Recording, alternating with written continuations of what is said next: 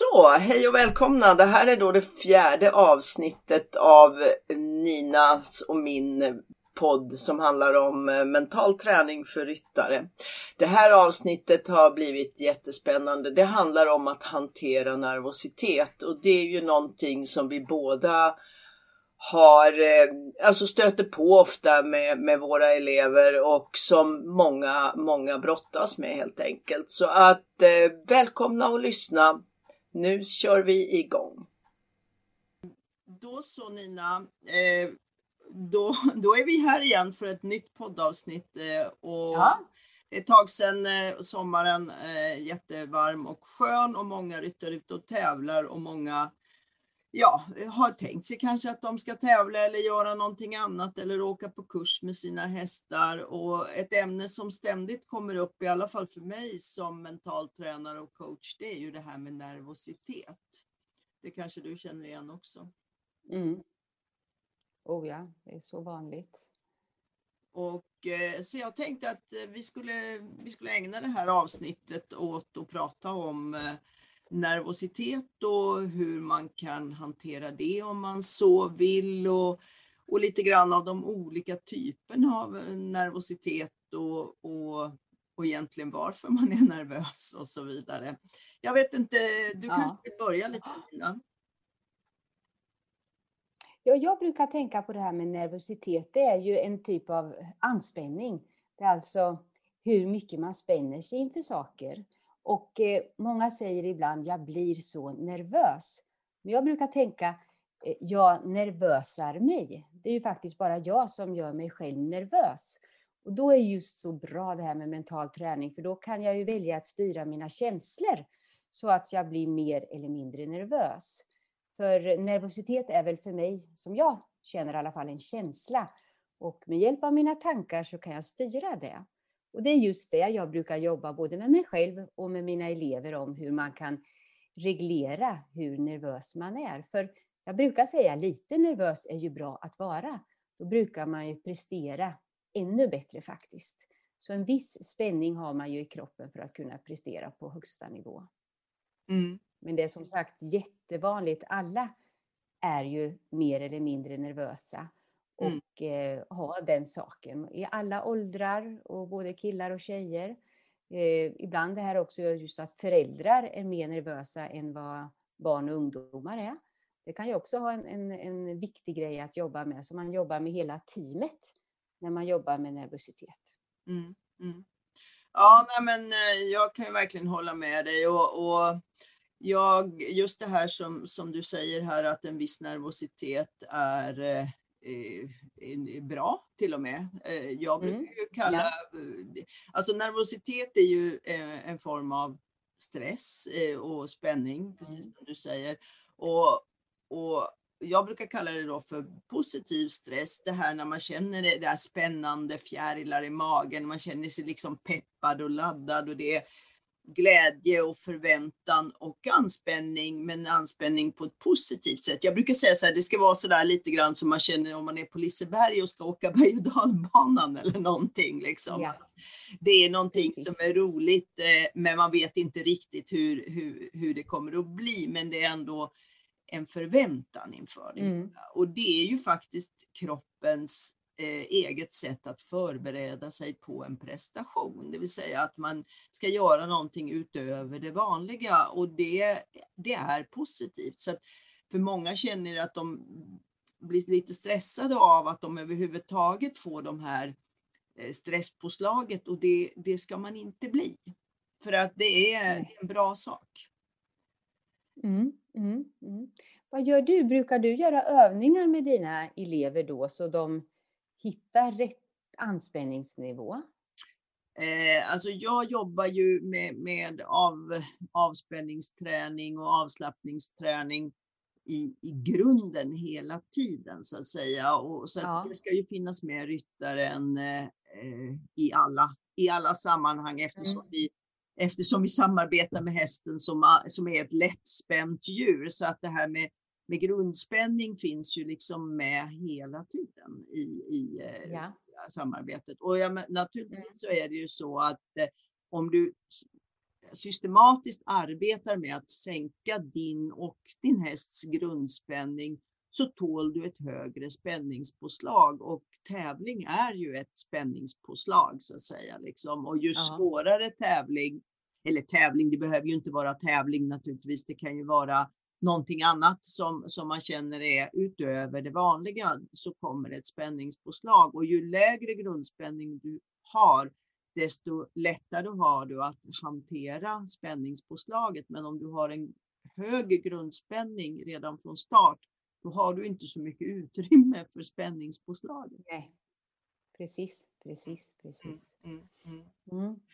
Mm. Sen har ju jag lite andra eh, eh, delar i det hela just med hanteringen, men jag tänkte också att det kan vara lite bra att eh, fundera över varför, vad det finns för olika typer av anledningar till nervositet. För att eh, som jag upplever det bland de ryttare jag möter och träffar så finns det ju olika vad ska jag säga, orsaker till nervositeten och eh, man kan ju hantera det hela på lite olika sätt. Och eh, den första nervositeten som, som inträffar för många, det är ju den här när man ska göra någonting ja, för första gången, alltså en brist på erfarenhet, den gör ju att man blir nervös. Mm. Och det är mm. helt naturligt.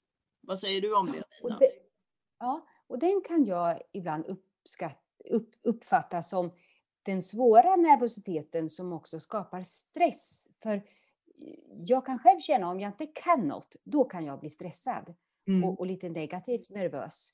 Och, och, så det är ju jätteviktigt då att man jobbar med eh, spänningsreglering där och mm. sen med den ökade självkänslan. För även om jag ska göra något som jag vet att jag kanske inte kan, Eh, men har jag i grunden en god självkänsla så litar jag på mig själv att det där kommer jag att ordna.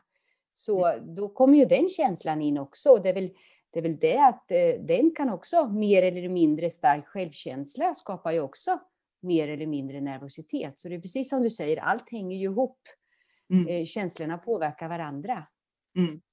Det är ju, Ja, och det, det är viktigt också att förstå, och speciellt om man är ung, så mm. en brist på erfarenhet, den råder man ju bot på genom att man gör så att säga och lär sig att, eh, ja. att det, här, det här går över. Många blir ju väldigt, eh, jag kan ju uppleva då som har jobbat eh, med, väldigt mycket med, med barn och ungdomar genom ridskola och, och så, att den nervositeten som en, en ung ryttare som ska tävla första gången har, den har den sällan stött på i andra sammanhang. Alltså, utan det, det, är en nervositet som blir så mycket starkare därför att det är någonting som man så gärna vill och därför mm. så, så, känner man sig nästan lite förskräckt och man kan som förälder bli lite förskräckt över att barnet blir så nervöst just över att den ska tävla med sin ponny.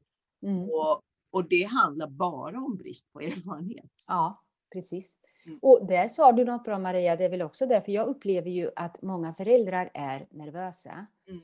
Eh, och eh, det är nog också, för vi har ju tycker jag lite olika typer av föräldrar. Mm. Eh, de som har tävlat själva mm. eh, och kanske till och med tävlar idag på hög nivå.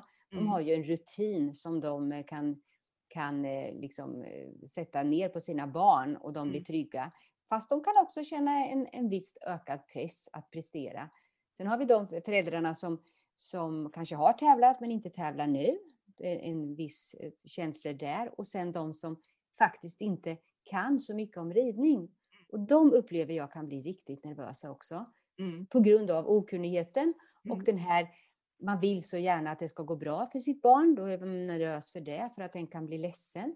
Mm. Och, och, jag brukar ofta ta med föräldrarna i den här diskussionen och fråga hur de känner och även fråga barnen och ungdomarna, hur känner ni när mamma är nervös? Och, så. Och, då, och då upplever ju faktiskt barnen att det är rätt så jobbigt att ha en nervös förälder. Så att då är det så roligt, för då vill ju många ofta börja jobba med det här ihop. Mm. Eh, och man skapar sig rutiner. Mm. Och, och, bara det, jag jobbade häromdagen med en mamma och en dotter som dottern håller på att bli vuxen nu och, och mamman pratar om hur hon skulle ändra sin roll mm. som mamma mm. eller nu är hon hästskötare enbart mm. och hur hon skulle hantera sin nervositet. Och, och vi gjorde tillsammans fokuseringsövningar och, och jätteintressant och de är så intresserade av det här och vill jobba vidare. Så att det kan jag ju rekommendera att man då gör saker och ting ihop. Mm, mm. Ja, men det, och, mm. och, och det är ju precis som du säger att eh, den här oron när man är förälder och har en ung ung ryttare, ett barn, eh, då, då är ju den här bristen på erfarenheten klart att den skapar nervositet. Men ja. det är också viktigt att förstå att den, den, den går över om man säger mm. så. Det så. Sen mm. finns det ju den eh, andra anledningar och det är ju det här för att oron för att något ska gå fel och den är ju också, jag menar jag minns ju själv från min egen tävlingstid, det här med att åh, har jag glömt något? Kommer jag för sent? Hittar jag dit? Alltså alla de här liksom praktiska sakerna. Ja. Det är ju också en nervositet i sig. Ja. Och den mm. kan man ju också råda ganska mycket bot på genom att faktiskt eh, förbereda sig och det finns, ju, det finns ju också möjlighet att faktiskt åka och titta, hittar jag dit? Eh, om det är så att det inte ligger ja. långt bort. Alltså, men, men för att liksom eh, skapa eh, mer trygghet om, om man känner att det här är en viktig sak för mig. Mm. en, en tredje del som också finns med i det hela, det kan ju vara en rent fysisk rädsla, det vill säga att man oroar sig för, och det behöver ju inte handla om tävling alls, utan den fysiska rädslan för att faktiskt skada sig eller ramla av, slå sig. Alltså, ja. Den finns ju också. Mm. Och, och, den upplever jag, den är, alltså den är, den är ju så... När de kommer till mig och vi pratar mental träning och coachning, för att till exempel jag är rädd att fatta galopp. Det mm. är ganska många mm. jag har suttit med. Och det är ju nästan den svåraste känslan att coacha i, för det kan ju faktiskt hända att du ramlar av. Alltså, det, det, är ju så att det är ju en, en, sport vi håller på med. Det är ju så med allting man gör. Men, och där, eh, där är det ju intressant att jobba då med anspänningen. Mm. Eh, spänningsreglering jobbar jag mycket med då. Andningen som vi har pratat om ja. tidigare. Ja. Så att man sätter kroppen i ett tillstånd där man kan reglera sin spänning. Mm. Så, så upplever jag det då. För att det går ju inte att säga åt någon att inte vara rädd. Eller Nej. inte vara nervös. Då blir de ju ännu räddare. Så, mm. och, då, och där är det, det lite svåra för att då säger de, frågar så, hej och välkomna! Det här är då det fjärde avsnittet av Ninas och min podd som handlar om eh, mental träning för ryttare. Det här avsnittet har blivit jättespännande. Det handlar om att hantera nervositet och det är ju någonting som vi båda har, eh, alltså stöter på ofta med, med våra elever och som många, många brottas med helt enkelt. Så att eh, välkomna och lyssna. Nu kör vi igång. Hur ska jag göra för att inte vara rädd? Mm. Eller för att vara nervös? Och det går ju inte riktigt att säga utan jag brukar säga ja, då är det att börja träna mentalt för att sätta dig själv i ett tillstånd där du känner dig trygg. Mm. Och det där har många lite svårt att ta åt sig för det tar ju sitt tag. Jag brukar säga att ska man springa ett lopp till exempel så kan man inte springa det direkt utan man måste ju träna. Men när de väl börjar och, och träna då upplever de gång efter gång att det här är ju faktiskt rätt så intressant. Mm. Och de upplever att ja, jag känner mig nog lite bättre till, tillfreds idag. Mm. Så, så att man inser att mental träning är något man tränar kontinuerligt, inte bara något man gör på en rolig workshop eller en rolig föreläsning. Man kan prova på, men sen om, man ska, om det ska sitta i kroppen, om man innerligt ska kunna förändra sitt beteende och sina tankar, då är det träning som gäller. Mm, mm, det är helt riktigt. Ja. Eh, någonting som jag eh, brukar göra eller som jag har gjort med, med en del eh, ryttare som har just den här fysiska rädslan och den kommer sig ju oftast, den är oftast inte påhittad utan den kommer sig av att de har råkat ut för saker så att ja. säga, och ramlat av. Och där kan jag göra en eh, eh, ett sätt jag coachar dem på, på marken där de kan ta steg framåt, stanna i känslan, bli kvar i känslan och sen kunna välja finns det alternativ i sammanhanget som jag kan välja så att man skapar lite vägar ut för hjärnan också istället för att gå in i ett tvärstopp om man säger så. Precis. Och det, det brukar vara eh, effektfullt för många också, just det här att man, man ger hjärnan alternativ. Liksom. Precis, mm. precis. Ja, eh, jag hörde det en gång, det var en som, som var så underbar som sa byt, alltså, byt, byt tankebana. Mm, mm, och det, jag tyckte det var så rätt sagt. Ja, jag byter tankebana, jag väljer en annan bana att tänka. Och det är precis som du säger, det där med ett steg framåt, mm. stanna, mm. tänk till och, och, då sitter det i kroppen. Och just som du gör, den fysiska rörelsen, jag tar mm. ett steg och jag mm. tänker och jag väljer. Mm. Eh, och eh, då sitter det mycket mer i, eh, i kroppen. Mm. Och man kanske till och med gör så om man står där och är rädd, då tar man ett steg fram när man är för sig själv där och gör precis som ni har gjort när ni tränar. Mm. Det, det, är helt rätt och eh, så intressant faktiskt att det ger resultat. Jag hade i helgen här en kurs med nya elever som jag inte alls kände. Mm. De, de, var rätt så nervösa.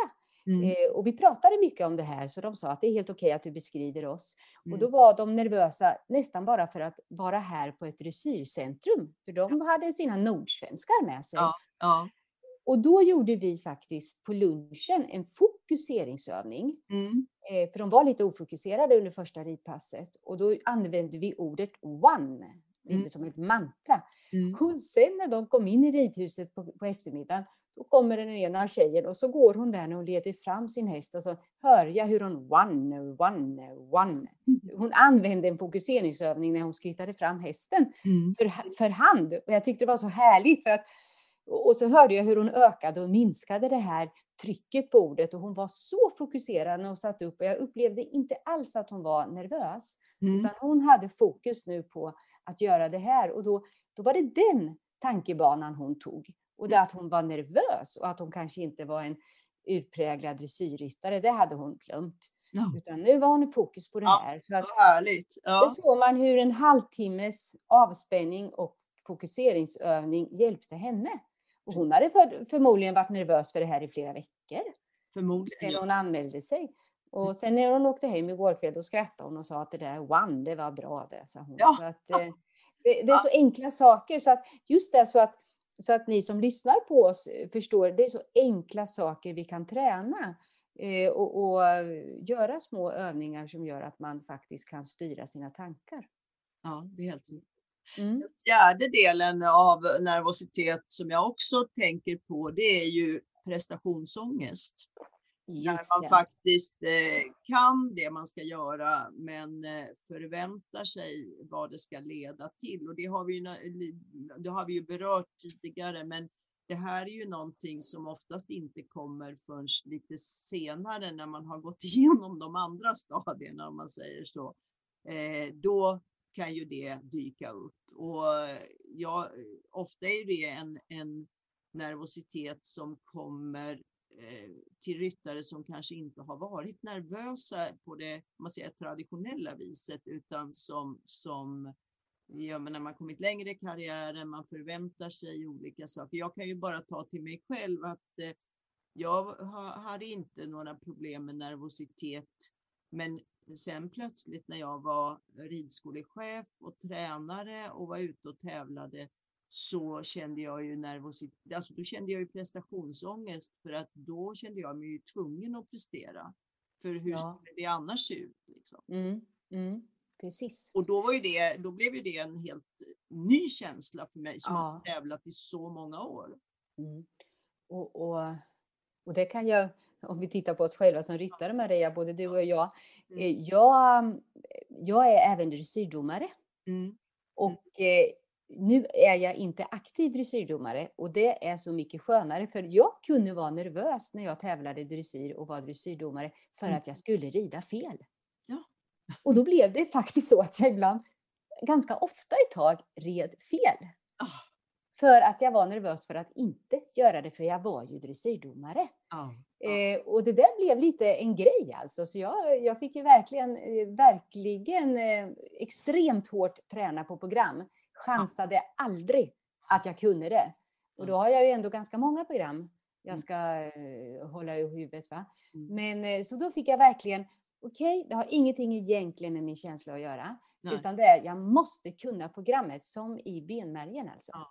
Ehm, så, så, och, och, just då eh, nervositeten som blommade upp mig, hade jag då ridit fel, då kunde jag inte släppa det, för då satt jag där och skämdes för att jag är ju dressyrdomare, jag ska inte göra så här. Nej, så, nej, nej. Rent, alltså... då, och det är intressant att ni andra hör att det drabbar ju även mig. Jag är ju mental tränare, jag ska kunna det här. Ja. Men, men eh, även vi då eh, ja. ju, använder ju, blir ju fel ibland, men vi är i alla fall medvetna om hur vi kan komma ifrån det hela. Så prestation eh, skapar ju också nervositet. Ja, men Helt så rätt. är det ju. Eh, mm. Ja, jag har ett litet, eh, jag ska inte säga program, men det kan man väl säga kanske om fem, fem enkla råd mot nervositet som jag försöker lära ut. Och ja. eh, det första då, det är att eh, du ska identifiera stressen och det handlar om att eh, fundera på när börjar du vara nervös? Alltså när startade, eh, är det på dagen innan tävlingen eller en del blir nervösa när de anmäler sig men den brukar inte vara så, den brukar inte vara så stark den nervositeten, den kan man Nej. ofta leva med. Eh, men det kanske börjar dagen innan eller det kanske börjar på morgonen eller det, ja, någonstans där. Och, och sen att fundera på när slutar du vara nervös? För att eh, när man är i den här känslan, ja det vet vi ju allihopa, att då, då tänker man inte på att det kommer ta stopp utan det känns ju verkligen som att man har en våt filt över sig eller någonting liksom som är obehaglig bara. Och, och därför kan mm. det vara ganska bra att tänka den börjar här och den slutar faktiskt här. Och någonting som är väldigt vanligt då det är ju att ryttare upplever att när jag kommer in på banan, när jag sätter igång med mitt eh, program eller när jag startar upp galoppen och ska hoppa första hindret, då slutar jag vara nervös. Det är en Aha, känsla just det, som många har. Mm. Och då har man ju gjort en... Är det för att... Är, Förlåt, vad sa du?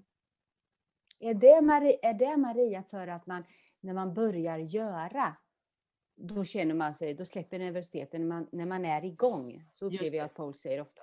Just man kommer igång och då, då fokuserar man på, på banan. Ja. Och då släpper nervositeten. Ja. Mm. Och i och med att man kan identifiera det här så är det många som, som kan uppleva att eh, Eh, det blev plötsligt lättare för sen när man då har identifierat det så kan man då hantera och då kan man ju tänka sig så här om man nu ska utgå ifrån vad som påverkar prestationen så är, kan man ju säga att så länge du är hemma eller sitter i bilen eller så så påverkar ju inte din eh, nervositet eh, någonting av själva prestationen. Och, och då kan man ju tänka sig att ja men nu kan jag vara nervös, det är inga problem, det är liksom bara att blåsa på. Men sen kan man till exempel träna sig till att bestämma sig för att när jag sätter foten i stigbygeln, då slutar jag vara nervös.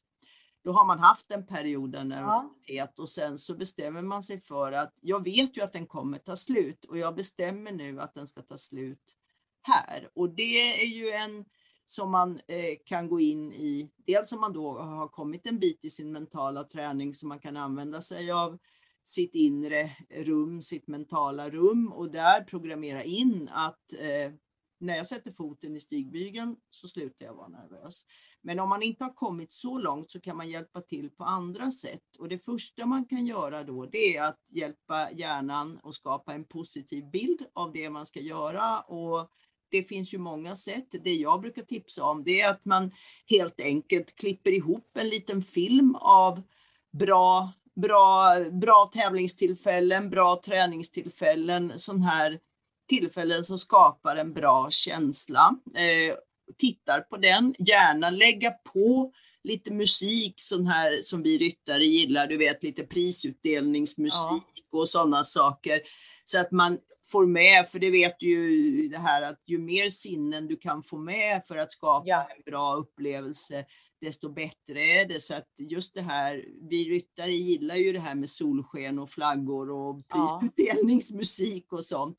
Precis. Att man lägger på och gör en sån liten film som man tittar på. Den kan man titta på eh, varje gång man ska eh, tävla, ja. för det matar hjärnan med en positiv upplevelse av det man ska göra. Så att säga. Ja, och det är ju precis som det här, det är ju tillståndet du söker då. När jag pratar om tillstånd så att ni, ni förstår vad vi liksom, man söker ett tillstånd och det, och jag eh, har faktiskt en klient som gjorde en sån där film Mm. och eh, ja, den var helt underbar.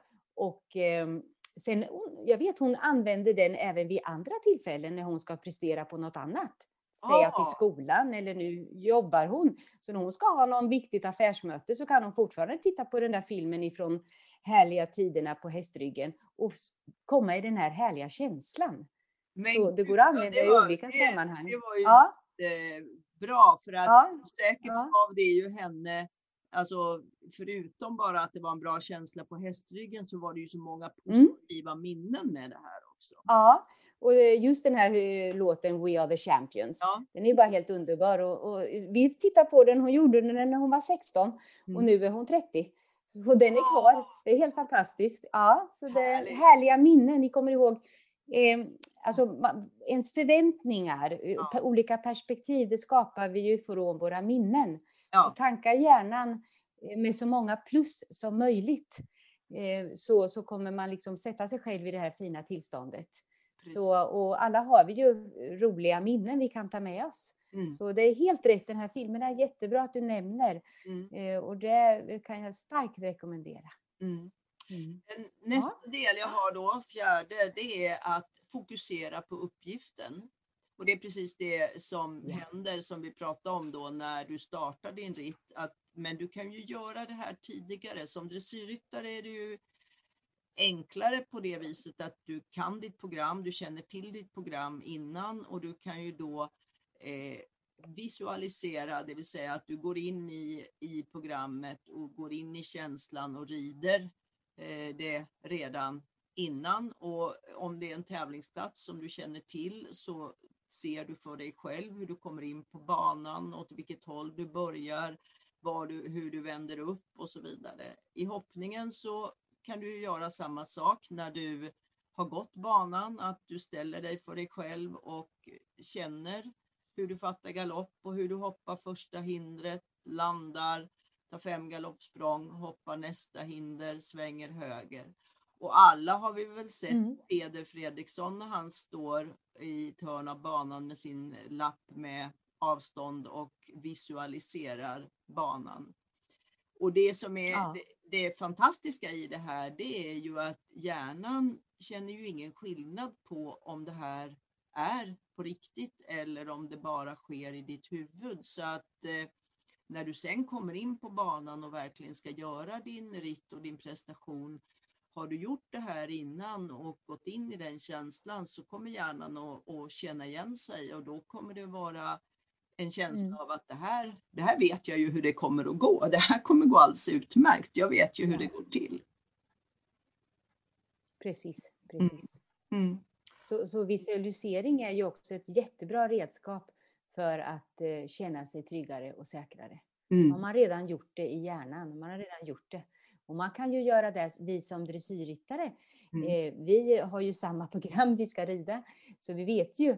Och, Mm. och jag gör ofta visualiseringsövningar med mina elever. Mm. Och, och då brukar jag även ta till det här att eh, se dig själv Mm. stå, stå utanför banan och du har redan presterat. Du har redan ridit på dina önskade procent. Och du har en härlig känsla i kroppen och då frågar du dig själv, hur gjorde jag det? Och sen Oh, får eleven berätta Den är bra. hur den gjorde. Och det är så roligt för då börjar eleven först, ja men jag ska rida in på, nej du, du har ju redan gjort det. Mm. Ja just det säger de, jag har ju redan gjort det. Ja jag red in och det blev jättebra och hästen stod stilla och jag fick en åtta. Mm. Och sen red jag fram och gjorde en ökning och det var perfekt, jag satte en åtta där också. Mm. Så att man, och då blir det ingen prestation. Då, då ser man det i fantasin som om man redan har gjort det. Mm. Och just den tankeförändringen är väldigt effektiv alltså. Mm. Eh, och jag har gjort det på många, många elever och de som gör det allra bäst är de yngre barnen. Mm. En gång hade jag en som sa, det var inga problem, jag red ärevarvet och jag vann. Det var inga problem. Så Mm. hon hade allting klart för sig. Mm. Så ja, jättefint att ta upp det här med visualisering. För det, det, många pratar om det, men det är inte så många som gör det. Nej, och, och, det är ju viktigt och speciellt när man, när man då pratar hoppning, att det, alltså alla vet ju hur man går igenom banan om man tänker hinder 1, 2, 3, 4, 5 och så vidare. Och, och det här är ju viktigt att det här är inte samma sak. Här känner du hur du rider och jag kan ju säga själv eh, när jag har använt det att eh, ibland så kan det ju bli så att du känner att du kommer fel och att du får starta. Men det fina då när man visualiserar det är ju att äh, jag börjar om igen och så tar vi om det och så får man liksom känna den här galoppen behöver jag ha och ja. då passar det. Så att det är inte, det är inte bara att tänka sig det hela utan man får liksom och jag brukar ju med mina klienter som, som börjar bli bra på det här, de får ju också prova vad kan hända? Är det, någon som, är det något som dyker upp? Är det någonting som händer? Skyggar hästen för något? Alltså att man tränar sig mm. att hantera de svåra situationerna också. Så, så vet ja. den, finns det någonting som kan hindra mig? Nej, det gör det inte. Nej. Mm. Och det är, det är väldigt effektivt, väldigt effektivt. Ja. Mm. Mm. mm. Den mm. sista då, den är ju väldigt eh, enkel men faktiskt också oerhört effektiv. Var glad. Ja. Var mm. glad. Eh, därför att eh, det som vi oftast oroar oss för det är ju det här att eh, vår nervositet ska påverka hästen och det det vet vi ju att det gör den ju. Sen är ju olika hästar naturligtvis olika eh, känsliga för det här, men jag menar, du vet ju själv Nina hur många gånger du har hört eh, elever som, som sitter på framridning och säger att hästen inte går fram och den känns ja. stel och den känns tråkig och den känns, det kanske är något fel på den också, mm, eller hur? Mm, mm. Ja. Mm. Eh, och det handlar ju helt och hållet om hur ryttaren känner sig i det detta nu så att säga. Liksom. Ja. Hur, mm. hur är jag? Och en enkel sak att eh, göra det är faktiskt att försöka eh, le och vara glad. Och jag brukar säga att eh, det sista du ska göra innan du lämnar eh, bilen, det är att fälla ner den här backspegeln du vet och titta in i spegeln och så le med riktigt ta i och le. För ja. du vet ju det att eh, när hjärnan eh, uppfattar det här och ser att det är en glad person så börjar man skratta. Ja. Det är, när man skrattar så tar inte de negativa tankarna, alltså de får inte så stor plats helt enkelt. Nej, helt rätt. Helt rätt. Det är jättebra. Och det här kan ju vara eh, svårt därför att alla vet ju att en nervös person det är ingen muntergök utan det är en sammanbiten eh, person. Men om man, om man anstränger sig lite för det här och det får man ju kanske göra då, då blir det faktiskt enklare. Mm. Det blir det. Ja, absolut. Och, och, som du säger, när man har ett leende framför sig så kan man knappast vara varken nervös, för nervös eller arg eller irriterad, utan då lockas man av det. Man ser mm. bilden. Det var jättebra. Mm. Eh, eh, att det kan jag till och med ibland, om man ska ha ett svårt samtal i en telefon, då kan jag ställa mig vid en spegel och se mig själv och ställa mig upp, för då känner jag mig säkrare och ser mm. lite glad ut. Då blir jag bättre i samtalet. Då blir jag inte så nervös för det. Så att allting som man gör med kroppen, och man ser bilder, underlättar ju att man ändrar sin tankebana. Mm, mm. Helt rätt. Så att det, här... det var jättebra tips du hade där. Mm. Ja, vad, vad, bra att du tycker det. För att mm. jag, jag använder mig själv av de här och ja. eh, jag vet eh, att det finns ryttare som gör det också och eh, egentligen handlar det ju bara om att eh, förstå att, att jag kan göra det här i alla fall trots att jag är nervös. Ja, precis. Det var bra. Mm. mm. Att man, att man, att man och, och med vissa, vissa så har, jag, har vi till och med som har kommit lite längre att man kan, kan tänka sig nervositeten som eh, någonting utanför min kropp. Alltså att nervositeten är liksom som en liten eh, gubbe som sitter på axeln, vad man ska säga. Och eh, då kan man säga till honom där, att, eller henne då, att eh, ja, du kan ju sitta kvar om du vill, men nu, eh, nu kör jag liksom här. Du får hänga ja. med om du vill eller inte. Och Mm. Annars då får du hålla i dig helt enkelt för Precis. att nu gör vi detta. Jättebra, verkligen bra. Mm. Göra sig den här bilden av att, eh, att det här är någonting, eh, jag kan göra det här, det är som en liksom, ryggsäck eller någonting, men jag gör det här i alla fall. Mm. Mm. Jättebra, jättebra. Och du, pratar vi nervositet, ska vi tänka lite på hästen? Tror du att hästen blir nervös? Eller vad händer? Är det vi som gör hästen nervös? Jag tror att hästen, eh, alltså om vi nu pratar spänningsnivå, så tror jag att hästens spänningsnivå höjs med en oväntad situation oavsett om det mm. är tävling eller eh, vad som helst. Alltså oväntad miljö eh, ovan miljö och så vidare ja. så höjs eh, eh, hästens spänningsnivå. Mm. Sen, sen mm. kan man ju då säga att sen läggs ju då ryttarens spänning på detta så att då höjs ju hästens spänning. Jag tror inte att hästen, ja. alltså om, man, om vi tar de här olika delarna av nervositet som, som, som vi pratade om tidigare, alltså de olika orsakerna, så tror jag ju inte att en häst tänker på det viset, liksom att den eh, har prestationsångest eller att den har liksom på något sätt, men spänningsnivån skapar ju att hästen blir mer eh, lätt eh, påverkad av, alltså den blir tittigare eller den ja. blir liksom eh, oroligare, det är hästar den inte känner, det är situationer. Så det, det, tror jag, och, och, det är självklart där att där spelar ju sen erfarenheten en stor roll, men det som spelar ännu stor, större roll det är ju kombinationen med mm. ryttaren. Alltså ju tryggare ryttaren känner sig, desto tryggare blir ju hästen. Här, är ja. ju, här, här behöver man ju ändå tänka på att kombinationen häst-ryttare här hästar är ju flockdjur och eh, alltså, då är ju ni tillsammans en liten flock kan man ju säga liksom. Eh, häst och ryttare och eftersom det är vår idé, alltså ryttarens idé att man ska göra det här så är det ju vi som behöver eh, tala om att det är säkert. Mm, precis. Och jag, jag har en ryttare, hon var så härlig, hon, hon pratade ofta om att min häst är så tittig och den är så tittig och jag kan inte tävla för det. Och sen en gång när hon kom så sa hon, du Nina, jag har kommit på, jag är en tittig ryttare. Just det.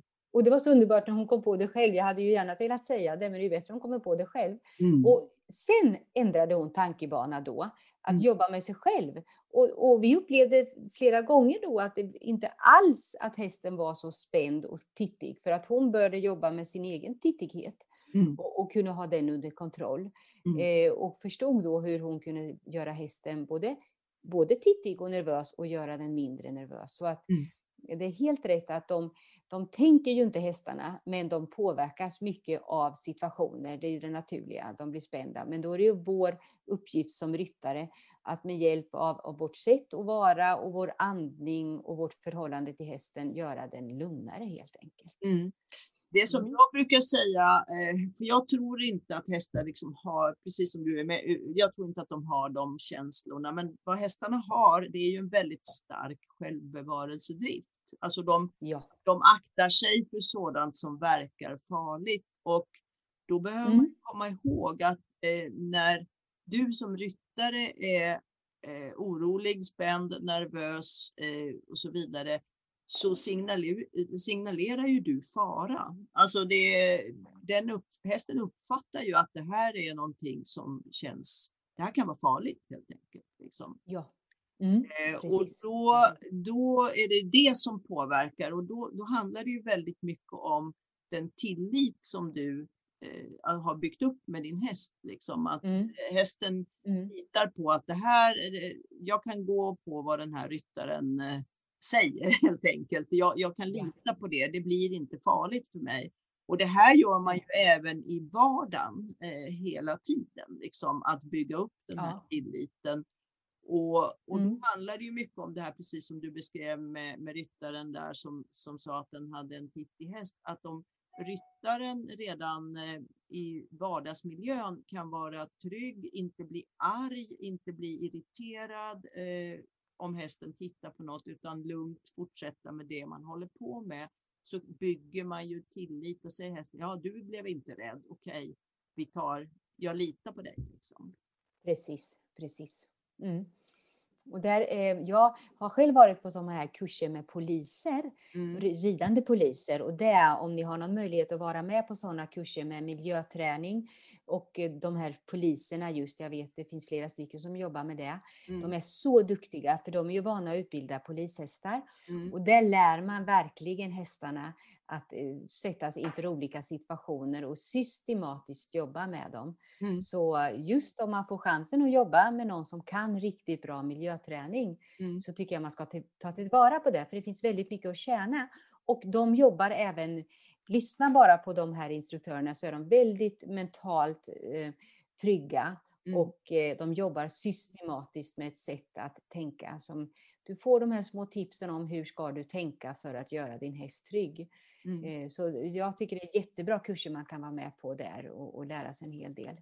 Mm. Och det gör vi ju varje, hela tiden, vi ryttare också, men man kan behöva ta in lite andra perspektiv. Och det tycker jag är jätteintressant att ta in olika typer av tränare för Mm. att lära sig saker och ting. Mm. Och hantering. Jag funderar ibland på, vi har unghästar här på gården och just nu har jag två treåringar. Och den ena är jättelätt och den andra är svårare. Och Mm. jag har hanterat dem precis likadant. Så Mm. då måste Mm. jag verkligen lägga band på mig att jag måste ägna mer tid åt den ena Mm. så, som behöver ännu mer trygghet. Så jag kan säga att hästar är ju olika. Det kanske jag inte tyckte förut så mycket. Jag tyckte alla skulle kunna vara lika mentalt starka. Men det kan jag hålla med om. Att det finns mer eller mindre spända hästar. Eh, Mm. Som man får lägga mer eller mindre tid på. Vill man ha en trygg häst då får man bearbeta dem varje dag. Många hästar får man öva lite med varje dag för att få dem trygga. Mm.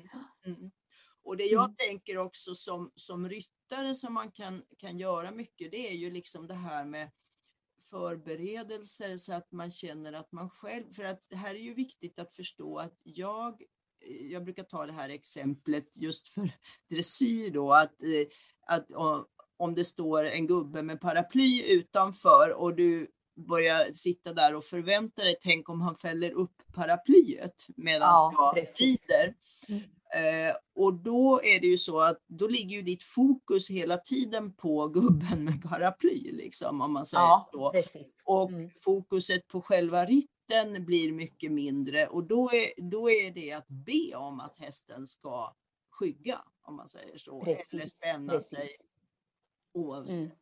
Och då kan Mm. man ju tycka så här att ja men då är det en ganska enkel sak att man ber några kompisar stå runt ridbanan med paraplyer och fokusera på att rida sitt program hemma vid så att säga.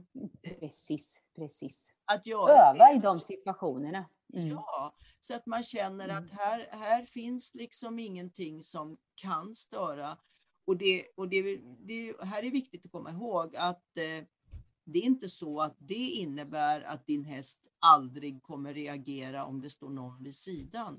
Men du känner dig trygg. Och när du känner dig Precis. trygg och vet att du har tränat på det här, då blir hästen, då har- behåller ni ert fokus på det som är det viktiga helt enkelt. Precis, helt rätt.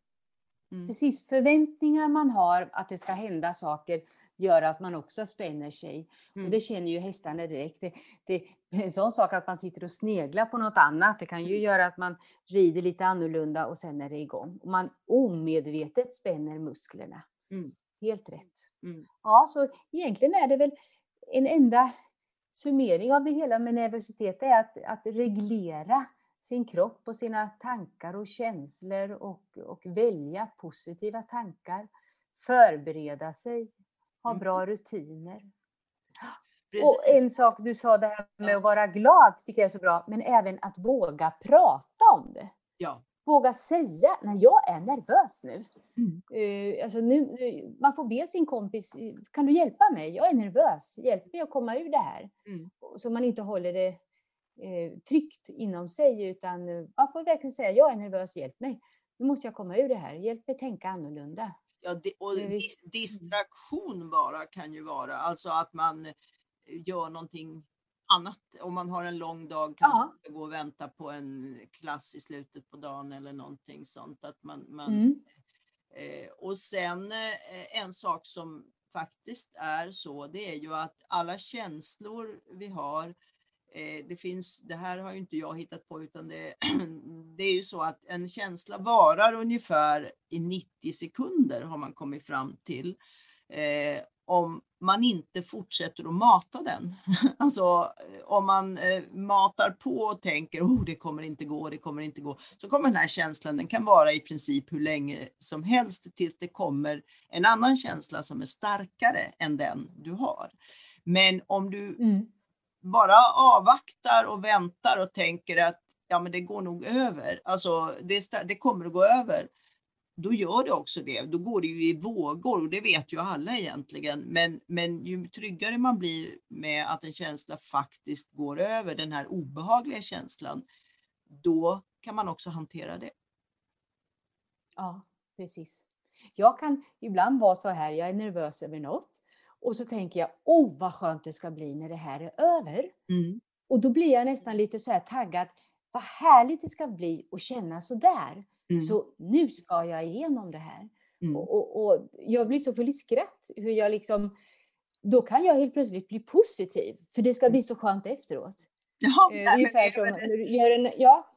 Eh, och, och, det där brukar vi också prata om, mina elever och jag. Så härligt det blir ikväll när vi ringer varandra och berättar hur det har gått. Ja. Har gått dåligt så ja, då har det väl blivit det då. Men så man skapar lite grann som, jag tycker det var så bra att du sa det här, var glad. Du ser ju ofta glad ut Maria, har jag tänkt på. Kanske är så. Alltså, var lite glad, var lite glad, var lite positiv. Och sen så, ja, ja, ja, vi ska igenom det här nu. Uh, gör det bästa av det. Och så blir det skönt efteråt. Ja. Så, så kan man också tänka för att skapa lite jädrar anamma-känslan. Eller lite, jag hade en elev som alltid sa jajamensan. Ja. Bara hon sa det ordet så blev jag ju glad. Jajamensan. Ja. Så det var liksom eh, där små ord man använder. Eh, jag och min syster när vi var yngre och tävlade ihop, då sa vi alltid rutin när vi skulle in på mm. banan. Okay. That's routine. Mm. Lekte lite vuxna ryttare då och sa rutin. Ja. Mm. Bara vi hade det ordet till varandra så gick mm. det faktiskt bättre. För då hittade vi rätt. Så att små saker som man tillsammans med sin kompis, sin förälder eller sin mentala coach kan, kan träna på. Ja. Det är ju jätteroligt. Vi kommer ju på många saker här idag. Vi får ihop det bra. faktiskt. Väldigt bra, väldigt bra avslutningsord där Nina. Så att jag tänker att vi avrundar här för dagen och sen så som sagt hoppas mm. jag att ni vill komma med förslag. Eh, vi, vi, kan, vi kan nog hitta på saker Nina, det tror jag inte är några problem. Det finns eh, ja. hur mycket mm. som helst om detta att prata om. Mm. Men vi tar som sagt gärna emot förslag och så är ni välkomna att lyssna. Ja. Tack för idag. Hej då Nina. Jätteroligt. Hej. Tack för idag. Hej då. Hej. Hej.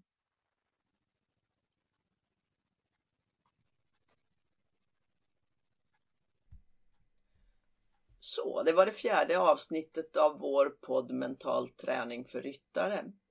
Är det någonting som du tycker vore spännande och roligt om vi tog upp och pratade om? I så fall mejla mig på maria.sundin.ekuvent.se Och tills vi hörs nästa gång, njut av sommarvärmen och ha så roligt tillsammans med din häst. Hej då!